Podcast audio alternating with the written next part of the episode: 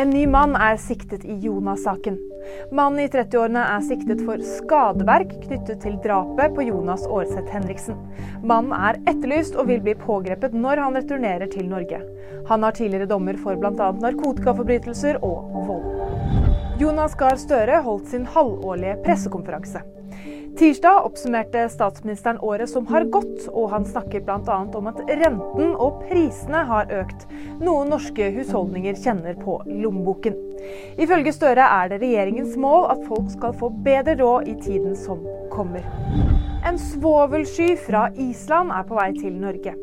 En sky av svoveldioksid fra vulkanutbruddet er ventet å nå Vestlandet i natt. Konsentrasjonene er lave og ikke farlige, men det kan hende man lukter svovelen. Skyen vil senere bevege seg mot Danmark og Sør-Norge, men med enda lavere konsentrasjoner. Vil du vite mer? Nyheter finner du alltid på VG.